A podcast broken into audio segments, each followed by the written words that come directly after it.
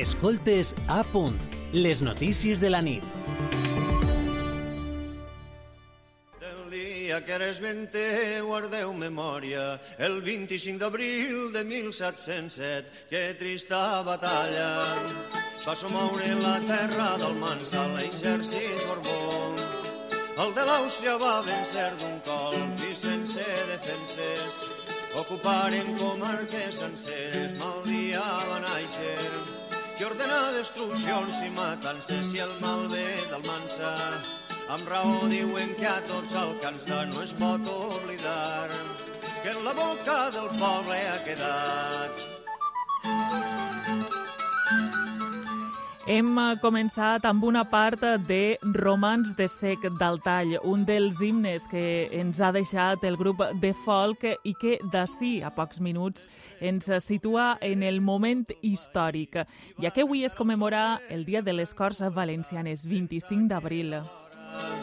D'augmentar el poder de la seua corona i sense tardança promulgar el decret de nova planta pel qual suprimia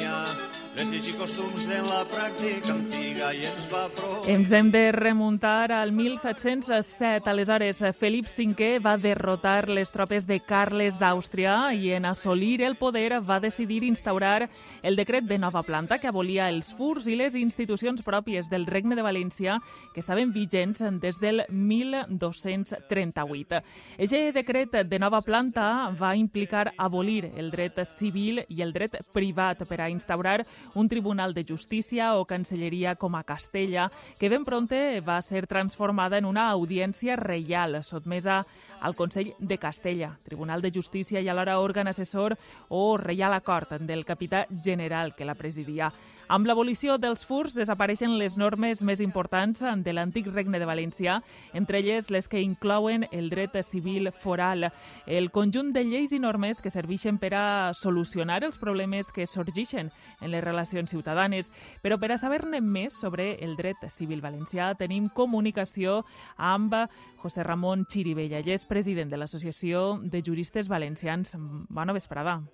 Bona vesprada. En primer lloc, ens agradaria que ens explicara quina és la importància del dret civil i de quines matèries se n'ocupa. Eh, realment el dret civil és una part molt important de, del desenvolupament de les relacions humanes, no? perquè afecta des de les formes de, de fer el matrimoni, la forma de transmetre els nostres béns a les persones que desitgem, o inclús el règim econòmic matrimonial aplicable no? a, a les persones. En realitat és la part més, eh, més determinant no? de, del, nostre, eh, del nostre present i, i del nostre futur, perquè al final ens transmete també, com he dit, els nostres béns a, a qui desitgem. Uh -huh. eh, en esta qüestió, eh, la història és important per a poder arribar a entendre en quin punt ens trobem. Veritat? Sí, tens tota la raó. La veritat és que, desgraciadament, després de més de 40 anys d'autogovern, eh, pense que no, no s'ha fet lo necessari, no s'ha fet lo suficient per a que coneguem nostra història als valencians. L'heu dit molt bé, no? Eh, nosaltres que eh, des de l'any 1238 el rei en Jaume nos va fer un estat independent en lleis pròpies i això, efectivament, eh, determinava que tingueren relacions eh, de dret civil i també de dret públic i institucions absolutament diferents no, a la resta dels territoris de la Garona Aragó i per supost de, dels territoris peninsulars. Els valencians eh, tenien una manera de fer les coses que al final el rei respectava i, i si no era així, pues, el que s'estava produint era pues, un contrafur, per exemple. No? És, és una qüestió determinant. I d'alguna manera eh, la creació del Regne de València està precisament vinculada a un règim pactista no? entre el rei i els estaments, no? que al final són els braços de, del Regne de València, que bueno, tenim en aquest moment representats en el Palau de la Generalitat, en el Saló de Corts, per exemple. La nostra autonomia no té 40 anys, sinó que, és que nosaltres som hereus d'un territori independent creat a principis del segle XIII. Uh -huh. Eh, no obstant això, la Constitució espanyola mm, només reconeix eh, el dret civil d'aquelles comunitats autònomes en les quals ja existeixen ordenaments civils abans de que esta fora mm, aprovada. No? I el nostre Estatut d'Autonomia es va aprovar el 1982 i per això en principi, el Tribunal Constitucional no ens permet eh, tindre este dret civil valencià que permetria tot el que ha comentat.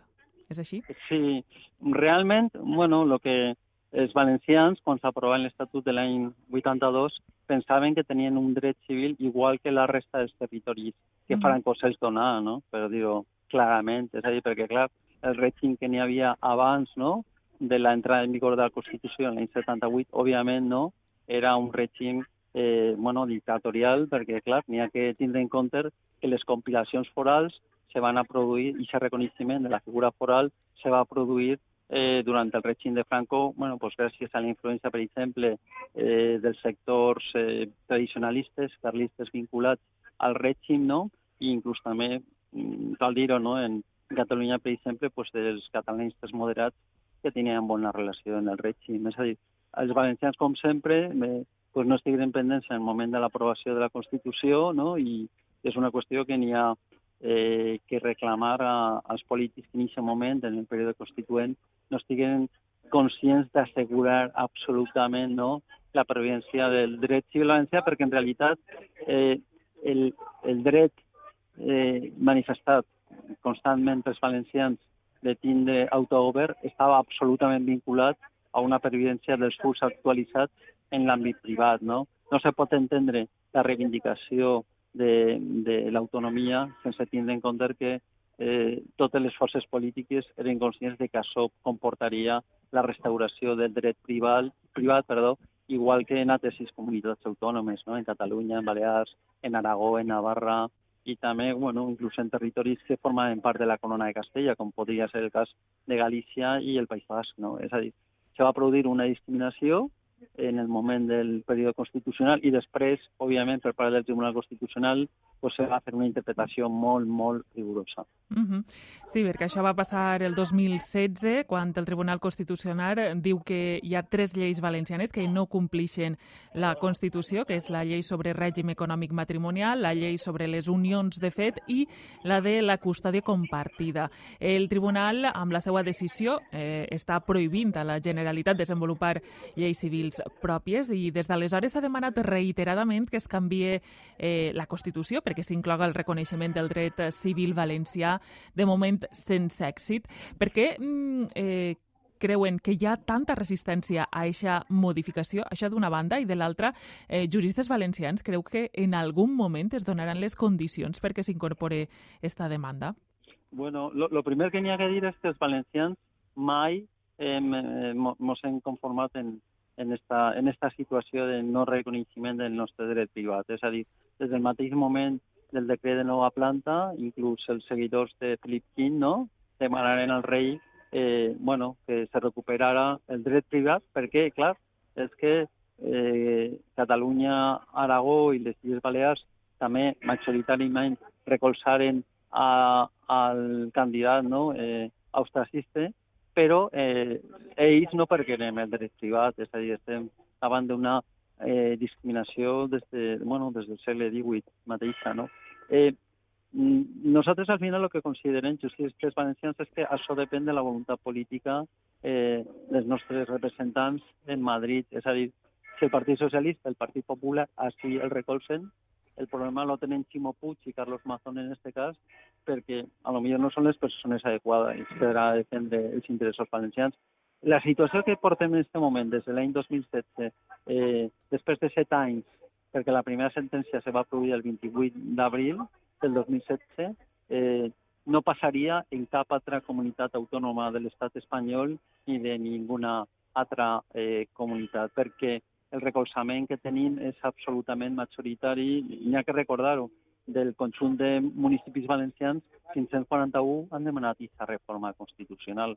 Al final, la responsabilitat, en la meva opinió, és del president de la Generalitat, que per això és el president de l'autonomia més importants que tenen els socialistes, és, eh, depèn també pues, de la voluntat dels socis de, de Ximo Puig, perquè al final, clar, este és un, és un govern que està actuant en coalició i, òbviament, té una gran responsabilitat també el Partit Popular. És a dir, eh, el que és evident és que no n'hi ha arguments per a dir-nos que no, perquè per part dels valencians s'ha utilitzat la via adequada per a demanar aquesta recuperació eh, del nostre dret, que com hem comentat és molt útil. Hi ha una qüestió important, que és que en aquest moment, encara que les lleis són inconstitucionals, encara s'apliquen a més de 280.000 valencians, perquè els que se casaren durant la vigència de la llei de règim econòmic matrimonial continuen tenint eh, el règim de separació de béns, els que van obtindre la qüestió compartida la conserven